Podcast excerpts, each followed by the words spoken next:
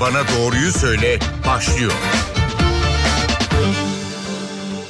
NTV Radyo stüdyolarına hoş geldiniz. Ben Öykü Özdoğan. Doktor Bana Doğruyu Söyle programında bugün çocukları konuşacağız. Hem okula dönüşün başladığı Eylül ayında çocukların psikolojisini, okula dönüş sendromunu, hem Suriyeli mülteciler nedeniyle artış görüldüğü söylenen el ayak ağız hastalığını, hem de okul çağında çocukların geçirdiği rahatsızlıklar üzerine sorular soracağız. Stüdyo konuğumuz çocuk sağlığı ve hastalıkları ve çocuk alerjisi uzmanı Profesör Doktor Gülbin Bingöl'e. Hoş geldiniz stüdyomuza. Hoş bulduk. Dinleyicilerimiz için telefon numaraları numaralarımızı hatırlatalım 0212 335 47 20 335 47 20 oldu telefondan bize ulaşıp çocuklarla ilgili hem fizyolojik rahatsızlıkları hem okula dönüş sendromu ile ilgili sorularınızı iletebilirsiniz yayın boyunca. Ee, şimdi hocam özellikle e, Suriyeli mültecilerin ülkemize gelmesiyle e, çocuk aşı takviminin değiştiği söyleniyor. Nedir değişen? Bu resmi olarak değişti mi? Neler oluyor? Ee, Suriyeli mültecilerin ülkemize gelmesiyle beraber özellikle Türkiye'nin güney kısımlarında bazı viral enfeksiyonlarda artış görüldü. Ee, bizim hani aşı takvimimizde normalde kızamık, kızamıkçık, kaba kulak aşıları var ve bu aşıların e, rutin uygulamaya girmesiyle birlikte hani bu tür hastalıkların görülme sıklığında azalma var. Yani son yıllarda biz kızamığa çok fazla rastlamıyorduk. Fakat e, bu göç nedeniyle, zorunlu göç nedeniyle e, kızamık e, olgularında bir sıklık görülmeye başladı. Özellikle hani güney bölgelerinde. O nedenle kızamık kızamıkçı kıba kulak aşısı daha önce 12. ayda uygulanıyordu ve 9. aya çekildi. E, 9. aya çekilince de hani yeterli etkinliği sağlanamadığı için yani yeterli koruyuculuğu sağlanamadığı için o ayda yapılan aşının 15. ayda tekrar bir rapelinin yapılması uygun görüldü. E, bu şimdi rutin olarak bu şekilde uygulanmakta ve önerilmekte. Bakanlık tarafından da bu şekilde yapılması önerilmekte. Olası kızamık e, olgularını önlemek için. Ee, peki bu son zamanlarda çok konuşulan el ayak ağız hastalığının Suriyeli mültecilerden sonra artışıyla ilgili bir defa bu hastalığın e, aşısı var mı? E, el ayak ağız hastalığının aşısı yok. E, aslında el ayak ağız hastalığı hani çocukluk yaş grubunda sık görülen e, bir hastalıktır. E, fakat hani sadece hani mültecilere bağlamamak gerekiyor. Tabii ki onların gelmesiyle hani flora bir miktar değişmiş olabilir. E, özellikle yaz ve sonbahar aylarında sık gördüğümüz bir hastalık. E, ılıman iklimlerde daha çok yaz aylarında görülüyor. Fakat bazen sonbahara doğru kayabiliyor. E, el ayak ağız hastalığı daha çok işte 2 ile 10 yaş arasında gördüğümüz bir hastalık. Yazın görülme nedeni yani havuz mevsimiyle beraber yazın sık görülüyor. Çünkü hani enfekte olan havuzların bu hastalığı geçirmekte olan ya da farkında olmadan geçirmekte olan çocukların havuza girmesiyle beraber e, bu havuzlar enfekte oluyorlar ve enfekte olan havuz suyunun diğer çocuklar tarafından yutulmasıyla e, hastalık yayılabiliyor. Diğer önemli bir yayılma yeri de kreşler. Kreşlerde de çünkü küçük bir or, e, daha kalabalık bir ortamdalar. Küçük çocuklar var. Bunlarda da e, birbirlerine bulaş oldukça sık görülebiliyor el ayak ağız hastalığında. E, tam olarak el ayak ağız hastalığı dediğimiz şey nedir? Belirtileri, bulguları nedir? El ayak ağız hastalığı aslında bizim enterovirüs dediğimiz içinde hani koksarkinin veya diğer enterovirüslerin olduğu neden olduğu bir hastalıktır. Bu hastalık e, ilk önce ateşle başlıyor. Yani 38-39 derece kadar bir ateş oluyor bu çocuklarda. Daha sonra böyle kırgınlık, yutma güçlüğü, halsizlik, iştahsızlık gibi non spesifik bulgular oluyor. Yani hani bu hasta hemen her türlü hastalıkta görülebilen bulgular oluyor. Fakat en önemli bulgu daha sonra bu çocuklarda bir yutma güçlüğü ve boğazda ağrı oluyor. Çünkü bu çocukların ağız içinde, boğazda, bademcikler üzerinde, damakta, dilde böyle kırmızı yaralar oluyor. E, noktalar oluyor ve bunlar bir süre sonra su topluyorlar. Ve daha sonra da derin yaralara neden olabiliyor. Böyle olunca da çocuğun yutması bozuluyor. İlk bulgu olarak hani ateş ve yutma güçlüğü görülebiliyor. Daha sonra el içinde özellikle el ayalarında ve ayak tabanlarında e, yine çok büyük olmayan küçük küçük kırmızı noktalar görülüyor ve bu kırmızı noktalar bir süre sonra su topluyorlar ve hani bu da el ayak ağız hastalığının için tipik bulgulardır. Bazen genital bölgede hani popoda da bu tür lezyonlara rastlayabiliyoruz. Bulaşıcı mıdır el ayak sendromu? Oldukça bulaşıcıdır. Hmm. Ee, gerçekten hani aslında kuluçka dönemi 3-6 gündür. Yani virüsle karşılaştıktan sonra hani 3-6 gün içerisinde e, bulguların ortaya çıktığı görülür. E, fakat eğer e, kişi hastalığı yani çocuk hastalığı geçirmiş olsa bile birkaç hafta virüs çocukta kalabiliyor ve bulaşıcılığı devam edebiliyor. Özellikle hani küçük mekanlarda, kreşlerde, okullarda çok bulaşıcı. Çünkü bunlar e, yani hem hapşırdıkları zaman veya öksürdükleri zaman solunum yoluyla bulaşabiliyor veya ağız yoluyla bulaşabiliyor. Çünkü bunlar aynı kaptan su içebiliyorlar. Hani çocuklar karıştırıyor. Aynı bardaktan su içebiliyorlar. Aynı kaşıkla yemek yiyebiliyorlar. Yani özellikle e, kreştekilerin ve okuldakilerin bunlara dikkat etmesi gerekiyor. Ağız yoluyla da bulaşabilen bir hastalık. Diğer önemli bulaşma yolu da e, gayta kaka yoluyla da bulaşabiliyor. O yüzden hani kakalarında da olabiliyor bu çocukların e, virüsler.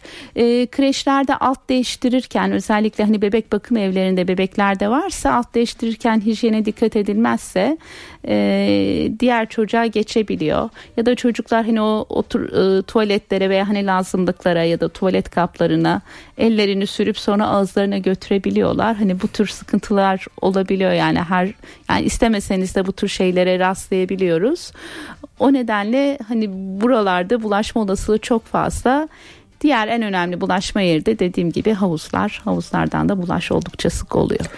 Havuz en azından ebeveynin kontrolünde olabiliyor ama tabii 2-10 yaş arasında görülen bir rahatsızlık olduğu için dediğiniz gibi kreşlerde tüm sorumluluk o zaman kreşe düşüyor. Evet kreştekilerin biraz şey olması gerekiyor dikkat etmesi gerekiyor. Ebeveynlerde şöyle bir sorumluluk oluyor daha sonra konuşuruz gerçi onu ama e, hani bu çocukların bir süre okula ya da kreşe gönderilmemeleri gerekiyor. Ne kadar bir süre gönderilmese iyi olur?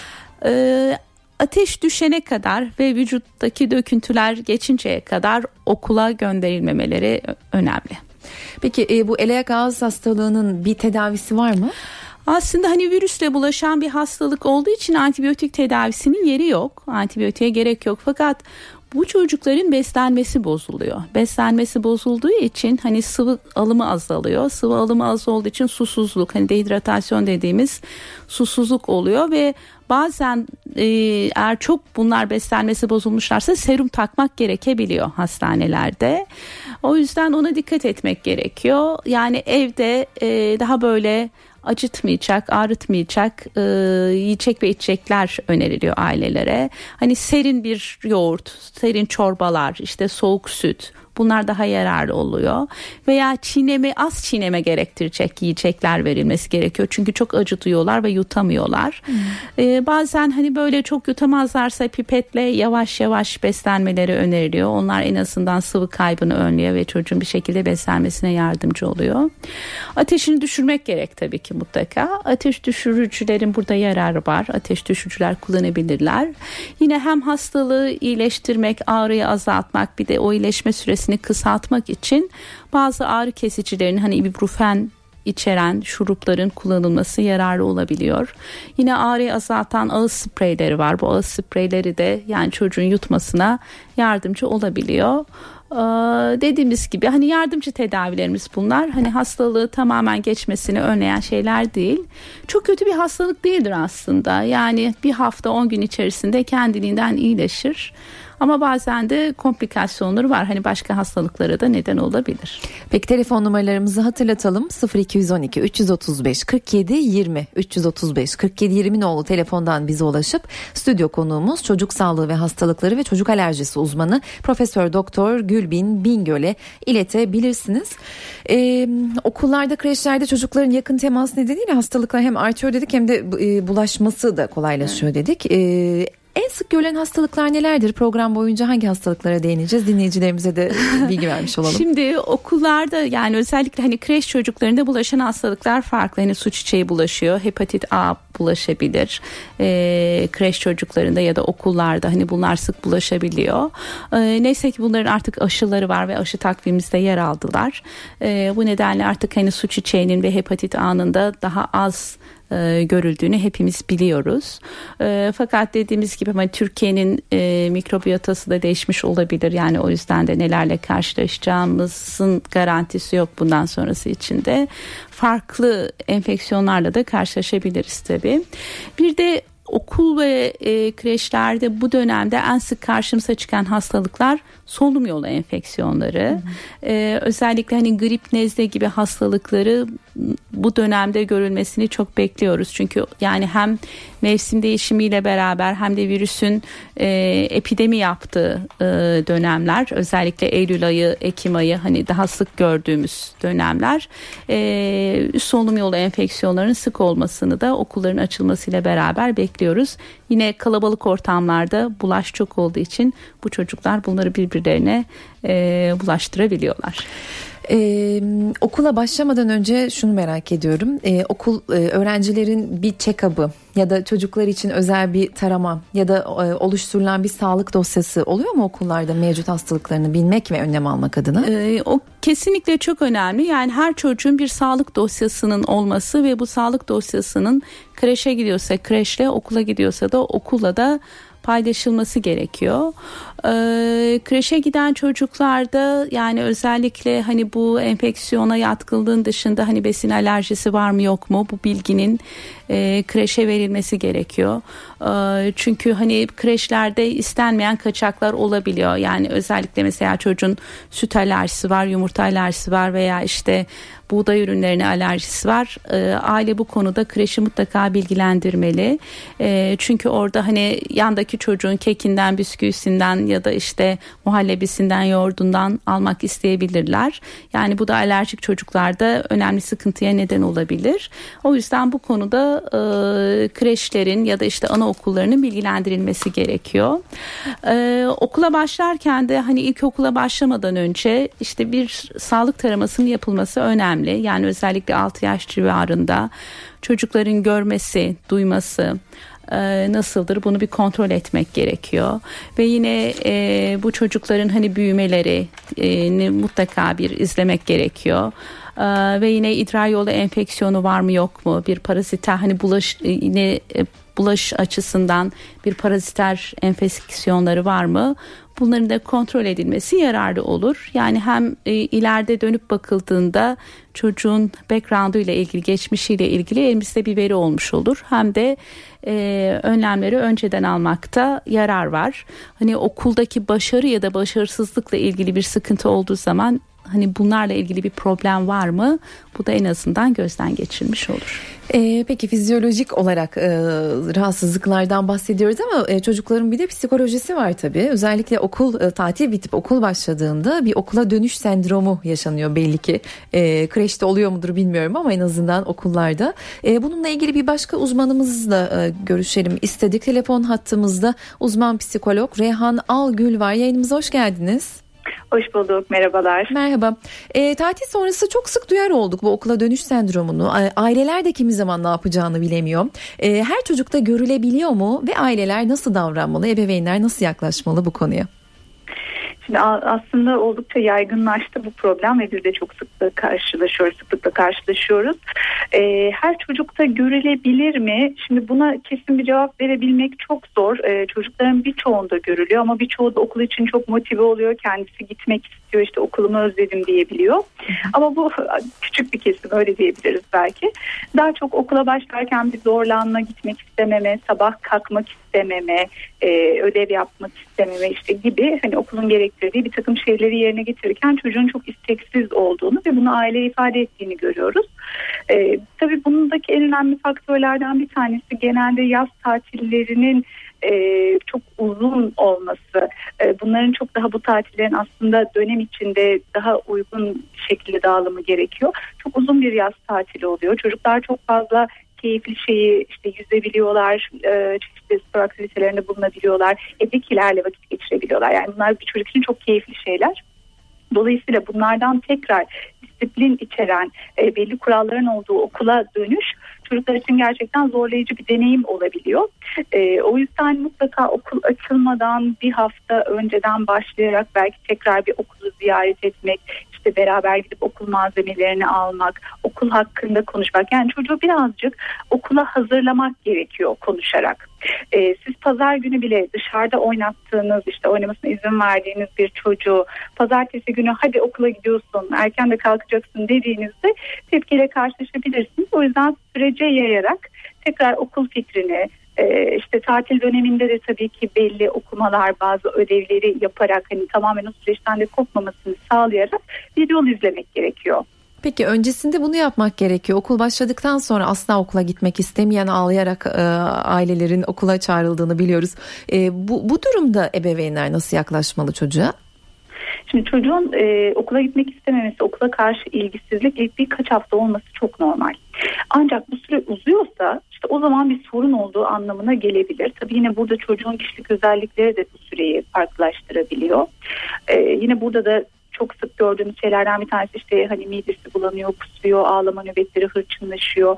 Ee, evde kalır, kalabilirsin bugün hadi gitme dendiği zaman zaten bu belirtilerin geçtiği e, genel olarak görülüyor ama okula gittiği zaman bu şekilde gidebiliyor.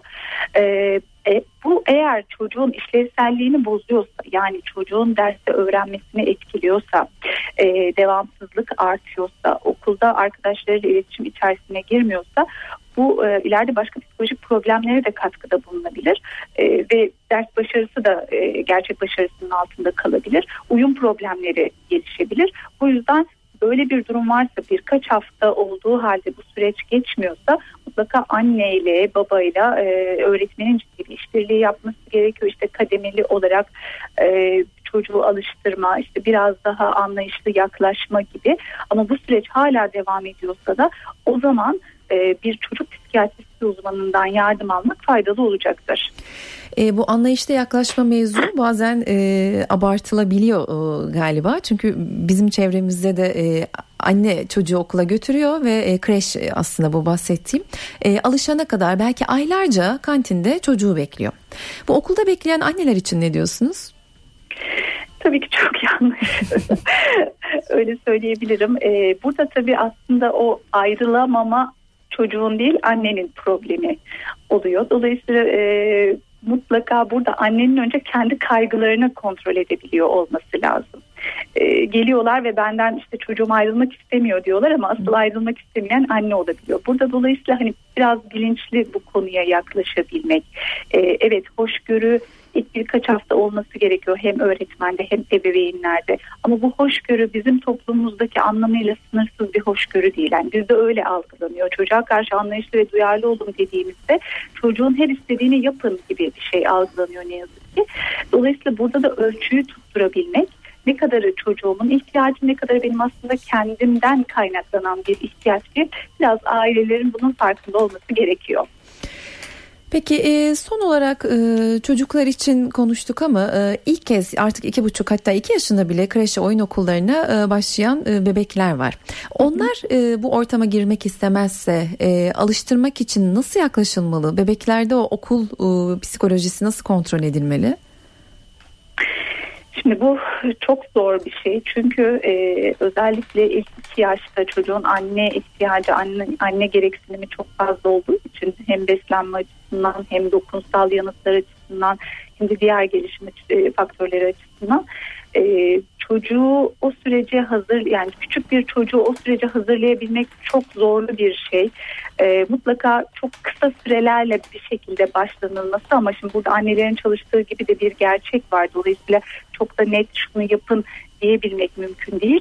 E, mutlaka kademeli olarak e, yapılması e, çocuk eve geldikten sonraki ya da okul dışı işte o kreş dışı zamanların işlevsel geçirilmesi, e, annenin onun yanında olduğunu hissettirmesi e, yapılabilecek şeyler bunlar. Tabii iyi bir kreş seçmek de burada önem kazanıyor çünkü sadece bir bakımhane gibi hizmet veren bir yere gidiyorsa çocuk e, dolayısıyla hani oraya gitmek istememe e, gibi bir şey oluşabilir. Öğretmen seçerken ya da okulun ortamına da bu anlamda dikkat etmek gerekiyor. Peki çok teşekkürler yayınımıza katıldığınız için. Ben teşekkür ederim.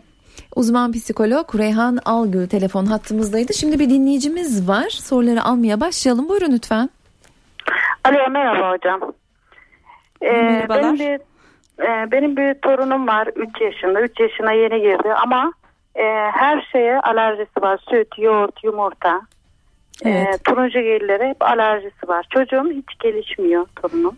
Evet. E, çok yere doktora götürdüm hala emiyor. Çapaya götürüyorum. E, hava veriyor. Çok sık hastalanıyor. Mikrop kapıyor. Hastanede yattı çok sık. E, ok meydanında. Hiçbir şey yapamıyorlar ve de e, en son çapadaki doktoru e, beslenme uzmanına e, diyetisyene yönlendirdi. Ama biz bir türlü bir diyetisyen bulup çocuk doktoru çünkü SSK'lar bakmadığı için bu çocuğa 7 yaşından altına biz bir diyetisyen bulup bir diyetisyene götüremedik. Çünkü gelişimi çok yavaşladı çocuğun. Ee, Gelişmiyor yani. Çocuk 10 kilo 9 kilo yukarı çıkmıyor. Hiçbir şey yemiyor. Anladım. Yediremiyoruz daha Sizin doğrusu. süt, yumurta e, alerjisi mi var? Yo- süt, yumurta, yoğurt, peynir. peynir. Aha. Yediği an komaya giriyor. Adrenalin duruyor. Evet. Evet, e, şimdi süt alerjisi sıkıntımız evet var. bayağı bir ciddiymiş torununuzun. Evet. E, bununla yüz öldürücü. ilgili bununla ilgili mama kullanıyor musunuz? Özel mamalar var hani e, kilo alımını şey yapmak için. Sanıyorum hatta düştü dinleyici.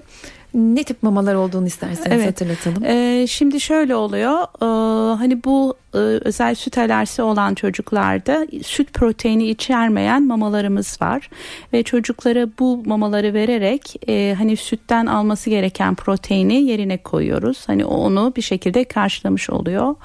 E, yani süt alerjisi olanların yoğurt, peynir gibi süt ürünlerini de almaması gerekiyor. E, yumurta alerjisi de tabii olunca hani yumurta ve yumurta giren yiyecekleri almaması gerekiyor. Fakat hani proteini mamadan alabilir ama onun dışında alternatif proteinleri e, bakmak lazım proteinlere. Bunun için hani ete alerjisi yoksa hani et ürünleri alabilir. Ondan sonra işte tavuk protein kaynağı olarak alabilir onları. Hani beslenmesinin düzenlenmesi için. Tabii süt ve süt ürünleri almadığı için kalsiyumun yerine konulması gerekiyor. Mutlaka çocuğa kalsiyum desteğinin de yapılması gerekiyor.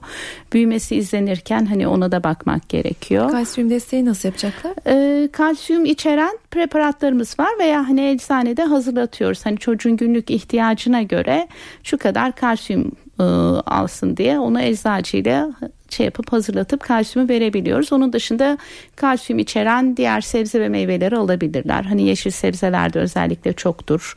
Kalsiyumu oradan karşılayabilirler ama bu kadar ağırsa ve bu kadar uzun süredir e, inek sütü proteini almıyorsa mutlaka dışarıdan desteğe ihtiyacı olacaktır. Fakat beslenmesinin ayarlanması önemli. E, gerçekten bir diyetisyenle beraber e, bir beslenme protokolünün olması e, çocuk için yararlı olacaktır. Peki e, kısa bir reklam arası vereceğiz. Telefon numaralarımızı hatırlatalım. 0212 335 47 20 335 47 20 oldu telefondan bize ulaşıp çocuk sağlığı ve hastalıkları ve çocuk alerjisi uzmanı Profesör Doktor Gülbin Bingöl'e sorularınızı iletebilirsiniz. Aranın ardından yayında olacağız.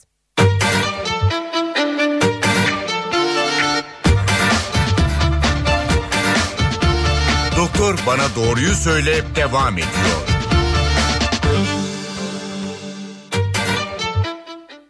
Doktor Bana Doğruyu Söyle programında bugün çocuklar üzerine sohbet ediyoruz dedik. Stüdyo konuğumuz çocuk sağlığı ve hastalıkları ve çocuk alerji uzmanı Profesör Doktor Gülbin Bingöl. E, dinleyici telefonlarını almaya başlayalım. Merhaba yayındasınız. Buyurun.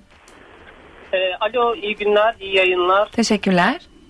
Yayında mıyız acaba? Tabii tabii yayındasınız. Siz dinliyoruz. Buyurun. Evet. E, 6,5 yaşında oğlum var. E, çok terliyor. Terledikten sonra hemen e, e, üşütüyor, öksürmeye başlıyor, nefes alamıyor. E, bu kış özellikle çok yaşadık ve bu sene okula başlayacak. E, bununla ilgili aradım. Ne yapabiliriz bunun için? Bir çaresi var mıdır? Ee, Ne önerirsiniz? e, şöyle her grip olduktan sonra öksürük hırıltı oluyor mu? Hani göğse Evet. iniyor mu? Hemen hemen çok sık oluyor bu. Geçen Evet. sene 3 defa gittik. İlaç ismi versem onu kullandık. 3 defa hava verdiler. Vermeyelim, Onun anladım. şurubunu falan Evet. e, kullandık. Evet. Hani e, ileriye dönük de ben e, ne olur o yüzden Evet şimdi şöyle oluyor bu grip olduktan sonra hemen göğse inmesi öksürük hırıltı olması e, hava yolunda bir hassasiyet olduğunu gösteriyor. Bu çocukların bir kısmında sonrasında hani astım gelişebiliyor aslında daha duyarlı oluyorlar. O yüzden hani öncelikle bir e, e, gerçekten hani alerjisi var mı yok mu ona bir bakılabilir ve yine hava yollarında bir duyarlılık var mı onu da bir değerlendirebil değerlendirilmesi gerekiyor.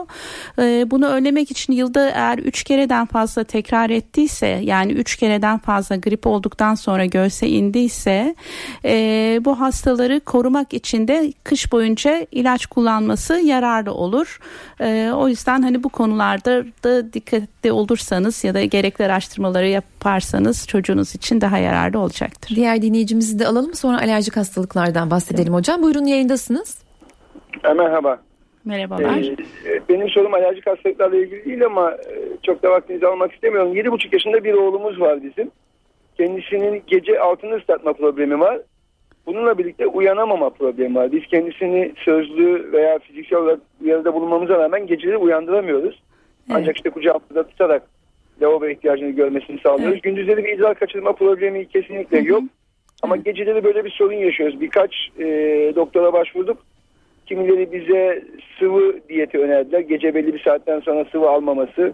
Kimileri her saat başı uyandırmamızı önerdiler ama yaklaşık bir buçuk yıldır bir mesafe kat edemedik. Evet. Ee, İlaç, buyurun.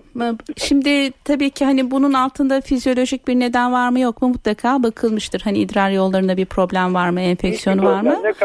Onlara bakmak tabii önemli. Eğer öyle bir problemi yoksa e, o zaman hani gece sıvı kısıtlaması yöntemlerden biri. Gece uyandırmaya hatta böyle hani zilli yataklar var, onlar var. Onlar kullanılması öneriliyor. Eğer onlarla da fayda kat etmediyseniz doktorunuzla görüşüp hani bir burun spreyi kullanılıyor. O ismini vermeyeceğim ama hani doktorunuz siz önerir önerir mutlaka. E, o da hani gece ıslatmalarında hani bizim enuresis nocturna dediğimiz gece işemelerinde yararlı olabilir. Onu doktorunuzla görüşün ya nefroloğunuz ya da işte bir çocuk psikiyatrinizle beraber e, bu işi halledebilirsiniz diye düşünüyorum. Peki teşekkür ederim yayınımıza katıldığınız için. Kreş ve okul dönemindeki çocuk hastalıkları üzerine sohbet ediyoruz. Alerjik hastalıklar da buna dahil 335 47 20 telefon numaralarımız 0212 335 47 20. E, mevsim dönüşlerinde alerjik hastalıklar e, oldukça artış gösteriyor. E, hangi hastalıklar bunlar? Alerjik hastalık dediklerimiz. Ee, şimdi alerjik hastalık dediğimiz işte en önemlileri alerjik rinit ve alerjik astımdır. Ee, hani mevsim dönüşümüyle tetiklenen. Hani bunun dışında egzema var, besin alerjisi var, işte ilaç alerjisi var. Bunlar da hani diğer önemli alerjik hastalıklardır. Fakat mevsim dönüşümünde bizim en çok karşımıza çıkan alerjik rinit dediğimiz alerjik nezle ve astım bulguları. Ee, bunlar neler oluyor? Bu çocuklar bir kere sabah kalktıkları zaman hani arka arkaya 15-20 kez hapşurabiliyorlar.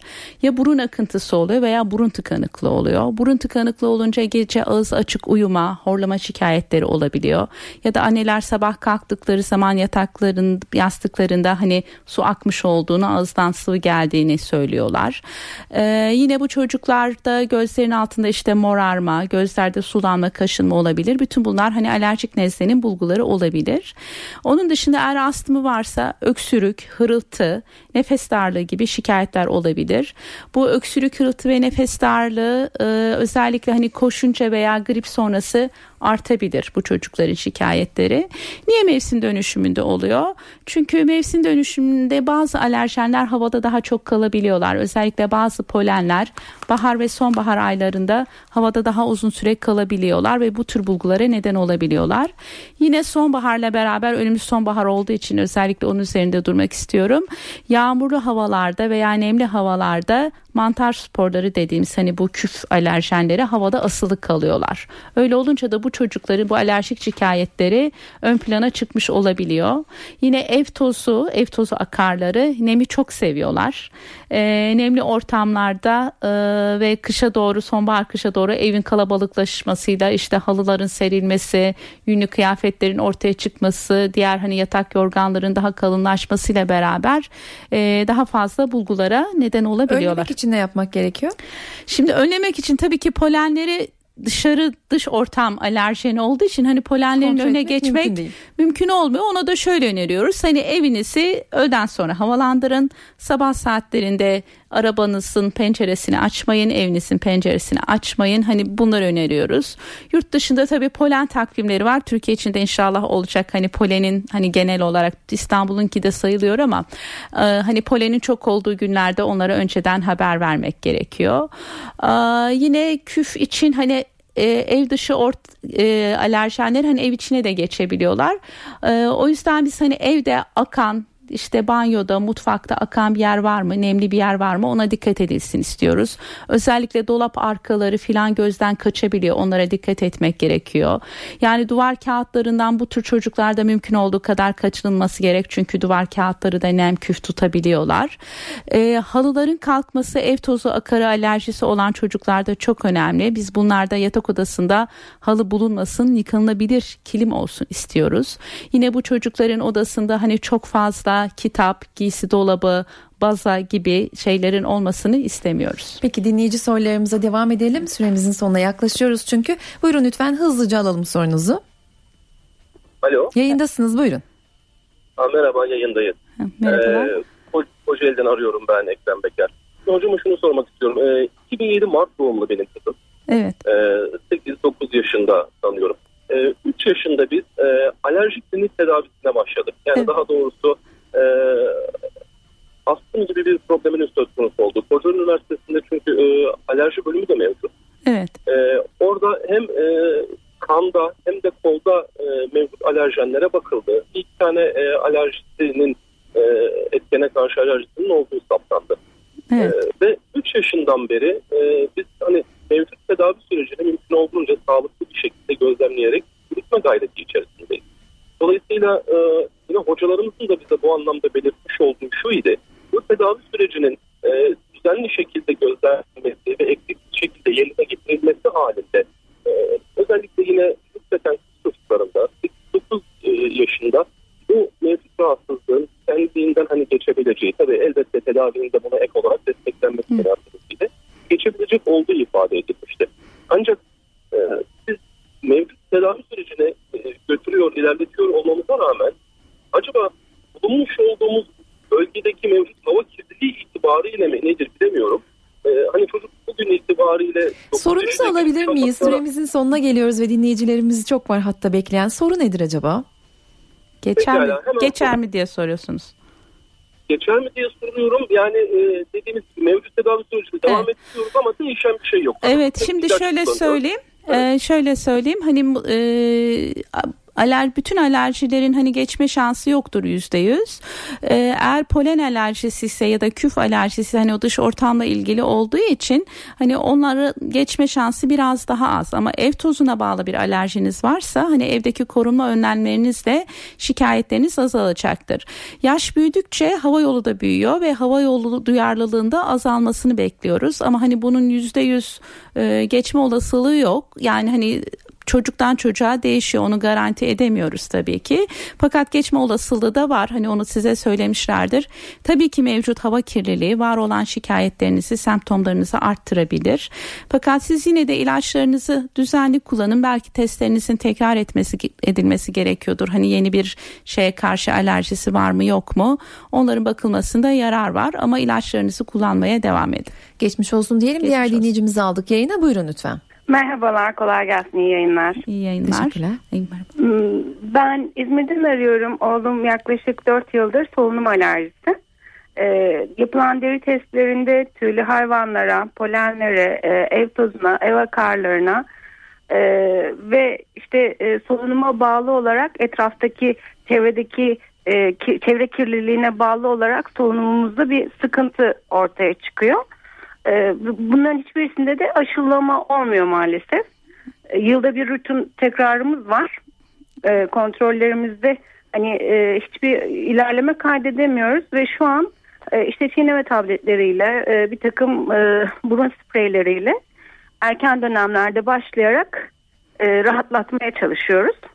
E, bağışıklık sistemine bağlı olarak da bir takım işte göz kıpmalar, e, genizden gelen böyle gırtlak sesleriyle birlikte biz bunları e, tik olarak algılamıştık ilk başta. Çok fazla psikolog yardımı almıştık. Fakat hepsinin alerjiye bağlı olduğu Evet. ortaya çıktı. Doğrudur. Sistemine bağlı olarak. Evet. Evet. Ben oğlumun e, bağışıklık sistemini nasıl yükseltebilirim doktor hanım? Şimdi şöyle hani bu söylediklerinizin hepsi bağışıklık sistemiyle tek başına ilgili değil. Tabii ki alerji rinitin ve alerjik astımı bulgularını anlatıyorsunuz. Bu kadar çoklu alerjen olunca da doğal olarak aşı tedavisi uygulanamıyor. Yani onun için korunma önlemleri ve ilaçlarla e, yola devam etmemiz gerekiyor. Bağışıklık sistemini yükseltmek için aslında hani öyle bir tedavimiz yok fakat biz hani beslenmesine dikkat edilsin istiyoruz. Hani dengeli beslensin istiyoruz. Bu önemli noktalardan biridir. Hani e, ve özellikle hani market ürünleri hazır gıdalar onlardan biraz kaçının dengeli ve güzel beslenin. İzmir'de de oturuyormuşsunuz. Hani gayet güzel bu konuda olanaklarınız da var. Ee, onun dışında hani spor yapması önemli. Özellikle basketbol ve yüzmeyi öneriyoruz. O da hani akciğer gelişimi için önemli noktalardan biridir ama yüzmeyi havuz yerine deniz daha iyi. Ee, çocuk için o yararlı olabilir. Ee, sigara kesinlikle yanında içilmesin. Bu çok önemli noktalardan biri. Çünkü o da var olan hem alerjiyi e, arttırıyor hem de yani solunum yolları ile ilgili problemlerin yerleşmesine katkıda bulunuyor. Ee, evle ilgili önlemleri size mutlaka anlatmıştır oradaki doktorunuz. Hani korunma önlemlerini ve ilaçlarınızı düzgün kullanmanızı da öneriyoruz. Çok geçmiş olsun.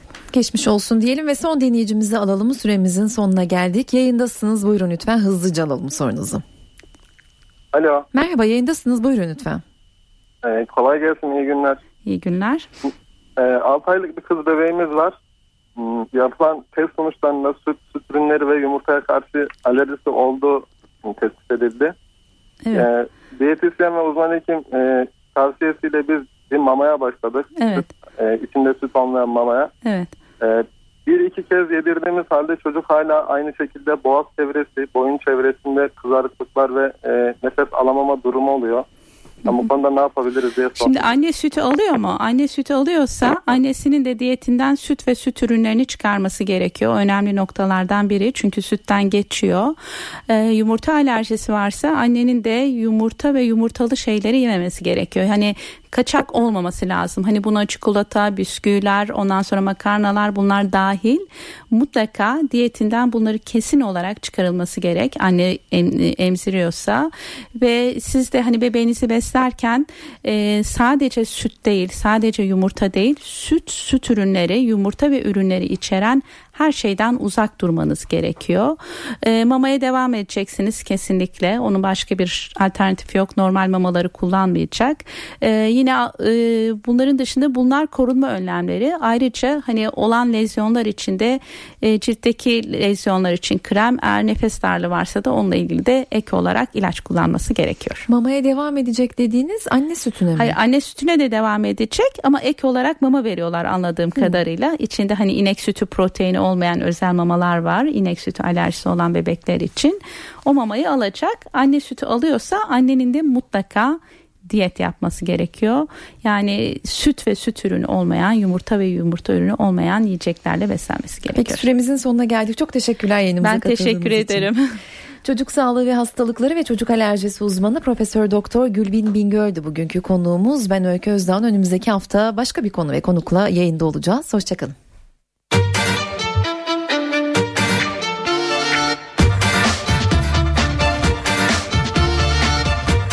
Bana doğruyu söyle.